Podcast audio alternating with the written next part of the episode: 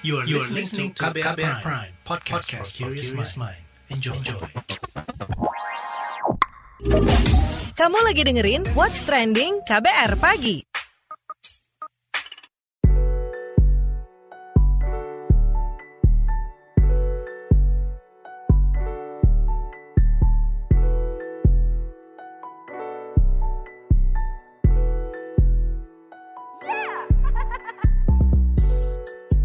KBR Pagi, siaran pagi radio paling update. Selamat pagi, apa kabar Anda hari ini di hari Rabu 17 November 2021?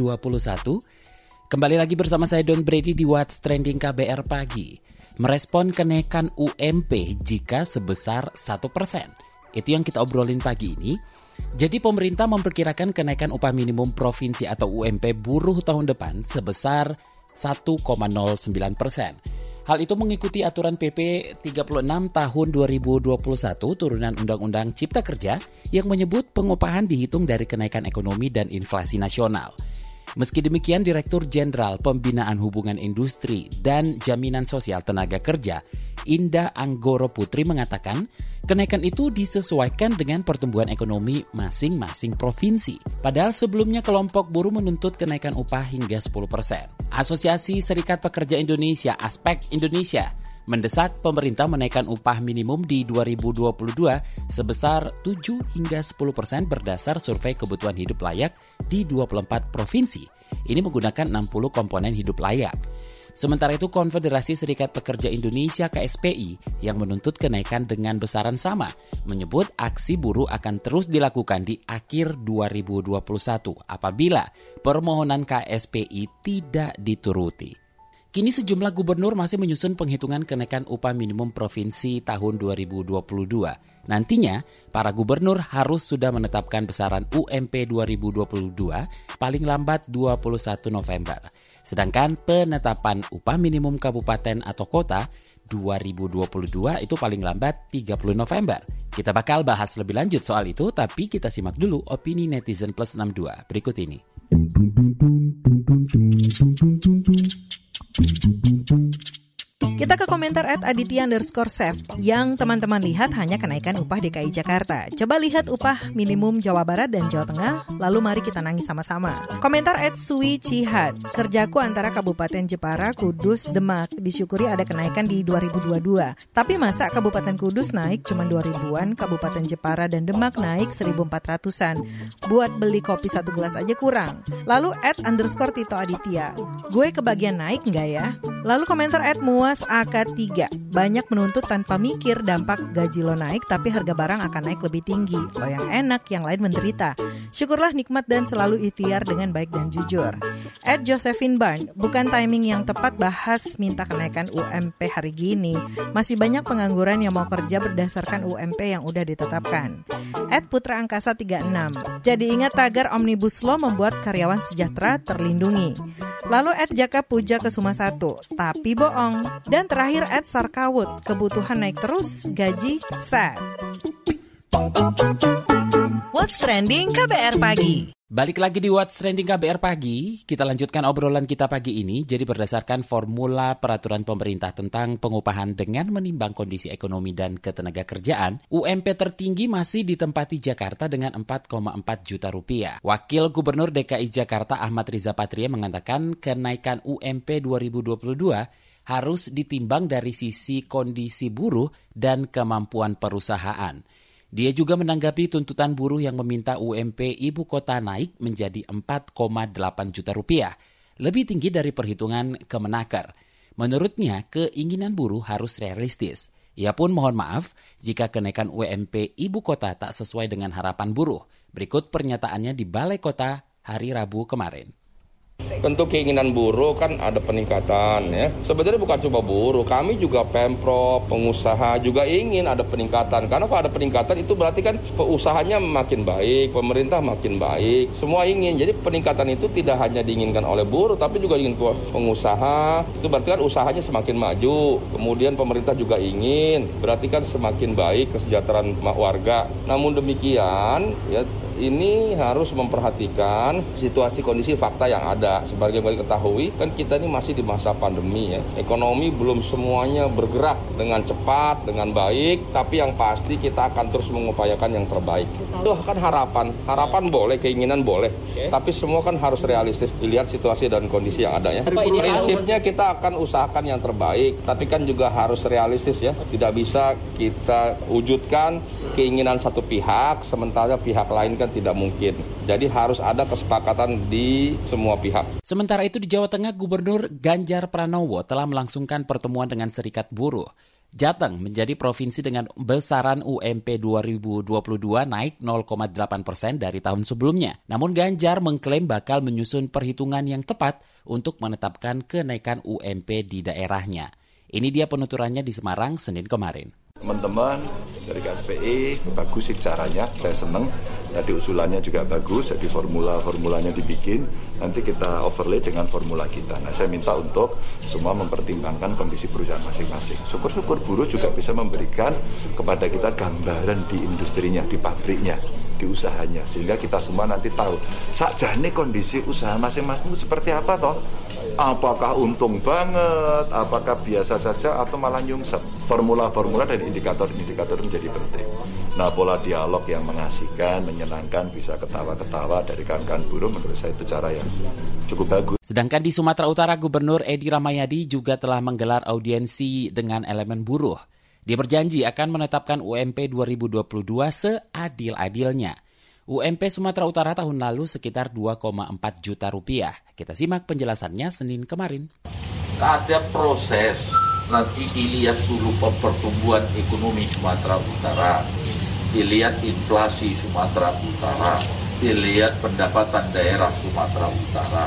Nah itu nanti dikumpulkan dulu dengan waktu yang ada, termasuk tokoh-tokoh ekonomi dari universitas intelektual ekonomi dikumpulkan semua nanti baru dihitung. Ada rumusnya itu. Hitung setelah ketemu rumusnya baru disampaikan. Ada diskusi-diskusi nanti terhadap pengusaha-pengusaha. Ada diskusi ini supaya semua menjadikan harmonis. Harus dilakukan seadil-adilnya untuk supaya Sumatera Utara ini berbantah What's trending KBR pagi?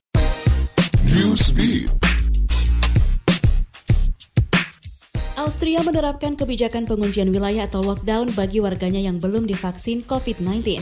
Kanselir Austria, Alexander Schellenberg, mengungkap kebijakan ini diambil untuk menekan laju infeksi COVID-19 di negaranya, seperti dikutip AFP. Austria melarang warga berusia 12 tahun ke atas yang belum divaksinasi atau orang tidak baru saja sembuh dari COVID-19 meninggalkan rumahnya kecuali untuk urusan esensial. Mereka hanya diperbolehkan keluar rumah saat membeli kebutuhan sehari-hari, berolahraga, atau memerlukan perawatan medis. Selain penguncian wilayah, pemerintah juga menggencarkan pengetesan acak guna menekan penyebaran COVID-19. COVID-19. Anak diktator Muammar Gaddafi, Saif al-Islam Gaddafi, akan mencalonkan diri sebagai presiden di Libya pada pemilihan umum Desember nanti. Saif dikabarkan telah menyerahkan berkas-berkas pencalonan dirinya ke Komisi Pemilu Libya dan semua syaratnya dianggap legal untuk mencalonkan diri. Pemilu ini adalah pemilihan pertama yang diselenggarakan secara demokratis di Libya. Pemilu demokratis ini berkat usaha dan proses panjang Perserikatan Bangsa-Bangsa atau PBB. Gagalnya konferensi tingkat tinggi KTT COP26 menghentikan penggunaan batu bara di dunia mengecewakan banyak pihak. Sebab pada putusan akhir, India dan Tiongkok bersikeras menggantikan kata menghentikan menjadi mengurangi pada konteks penggunaan batu bara. Salah satu pihak menyuarakan kekecewaannya adalah Perdana Menteri Inggris Boris Johnson, mengatakan hasil KTT ini sangat penting bagi mereka yang terancam tenggelam, lahan pertanian yang menjadi gurun, dan rumah yang digepung badai. Ia mengaku kecewa karena COP26 tidak mampu menghasilkan ambisi kuat perubahan iklim. Johnson mengatakan seharusnya pertemuan ini bisa mendesak, mendorong dan membujuk negara-negara yang masih menganggap batu bara sebagai energi yang penting dalam perindustrian.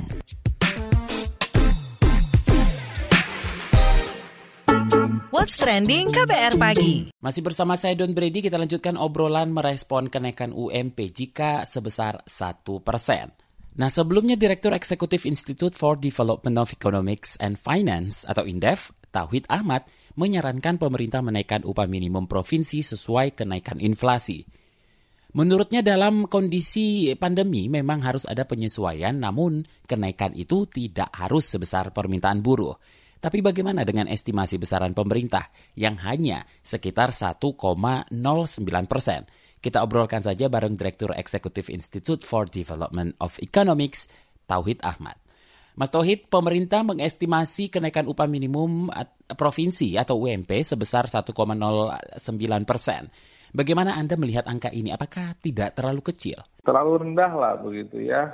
Karena inflasi aja itu satu persen begitu ya. 1,6 kan ya. Kemudian juga industri ekonomi udah mulai bangkit. Pertumbuhan ekonominya 3 persen minimal itu. Apalagi mungkin bagi sektor-sektor yang tumbuh lebih tinggi bisa lebih baik begitu. Tapi bagi sektor mungkin yang masih negatif kita bisa pertimbangkan lah. Tapi paling tidak mengantisipasi berarti pemerintah hanya menghitung hanya inflasi aja kenaikan harga secara umum begitu. Apa pertumbuhan ekonomi kita tidak memungkinkan kenaikan UMP lebih dari satu persen? Pada tahun lalu kita itu katakanlah pertumbuhan ekonomi kan minus dua. Tahun ini sekitar tiga persen. Ada efek backwashnya dua persen. Berarti kan realnya sekitar satu persenan begitu. Dan harusnya untuk tahun 2022 kan udah perkirakan naik pertumbuhan ekonomi bahkan 5,2 persen ya. Nah harusnya udah lebih tinggi dong justifikasinya bahwa tahun depan harusnya lebih baik begitu. Lihat kembali ke belakang itu sudah recovery kita tahun ini dan walaupun tahap awal ya belum seluruhnya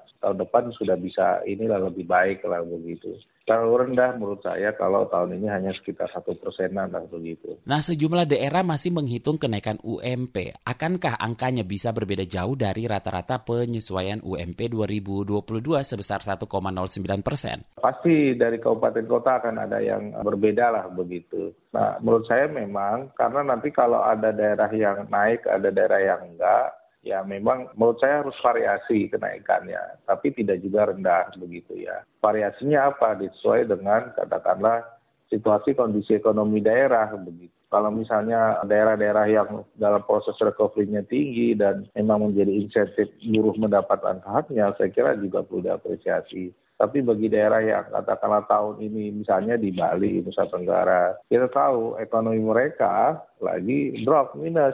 Ya kan nggak agak kurang fair kalau misalnya entah dinaikkan UMP. Iya, karena mereka dapat pekerjaan aja syukur begitu ya. Karena ekonominya lagi drop, banyak sektor usaha mati dan sebagainya. Saya kira nggak fair juga kalau mereka dinaikkan UMP terlalu tinggi. Tapi ada daerah-daerah yang pertumbuhan ekonominya tinggi. Sulawesi sebagian besar tinggi. Lihat triwulan ketiga kemarin. Eh, di luar Jawa aja hanya tiga persen. Di luar Jawa rata-rata tiga setengah empat persen begitu. Jadi justifikasi tidak dinaikkan UMP jadinya lemah karena daerah juga mulai bergerak membaik begitu. Kenaikan satu persen ini bisa meningkatkan daya beli masyarakat gak sih? Ya kurang lah begitu. Naik segitu aja misalnya hanya naik satu persen aja. Kira-kira nyesuaiin nggak? Misalnya nih harga minyak goreng aja sudah naik 23 persen. Ya beras ya tidak terlalu tinggi ya. Tapi yang lain misalnya apakah cukup begitu untuk memenuhi kebutuhan begitu ya? Nah memang inflasinya secara umum cuma inflasinya itu harusnya bisa dibedakan. Misalnya begini inflasi kita kan general seluruh sektor. Nah, yang makanan itu sekarang itu bisa terjadi karena kan sekarang proses recovery akan cenderung tahun depan inflasi juga tinggi sekitar tiga persen di APBN ya.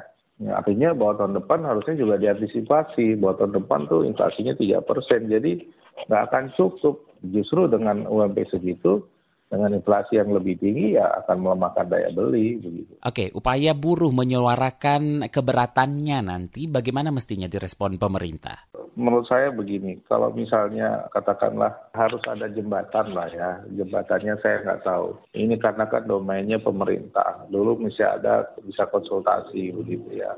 Nah saya kira katakanlah perlu ada jembatan antara buruh kemudian kemudian ada pemerintah dan juga pengusaha begitu. Jangan hanya domain dari pemerintah saja. Berarti kan dengan cerminan ini dengan dasar undang-undang cipta kerja ya dengan kenaikan tahun ini buruh akhirnya selalu dirugikan. Begitu. Kita mengapresiasi undang-undang tetapi kalau realitasnya seperti ini ya pada akhirnya kasihan teman-teman buruh. Yang kedua adalah saya kira memang formula yang kemarin disampaikan pemerintah selain cipta kerja ternyata tidak fit ketika di exercise dengan tahun sekarang gitu. Jadi nggak pas begitu ya dicoba. Nah saya kira perlu ada rumusan baru yang lebih bisa mengantisipasi uh, situasi seperti sekarang ini pada saat pandemi. Terima kasih Direktur Eksekutif Institute for Development of Economics and Finance, Tauhid Ahmad.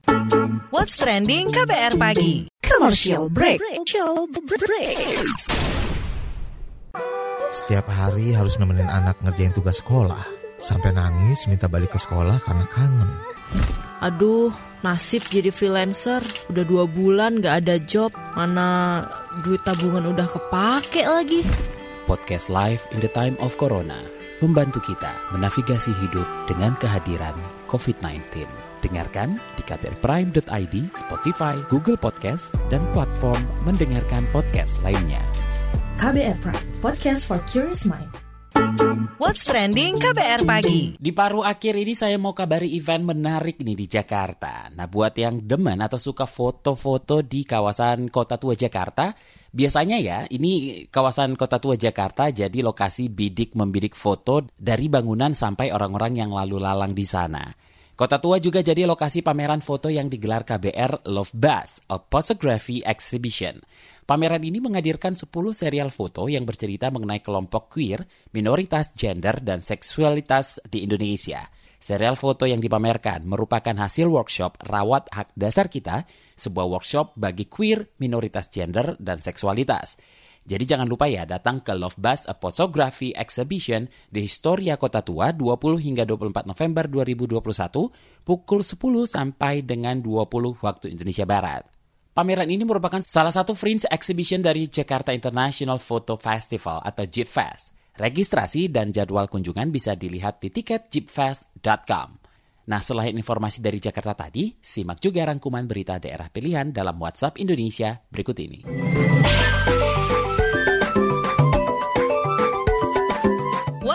Indonesia.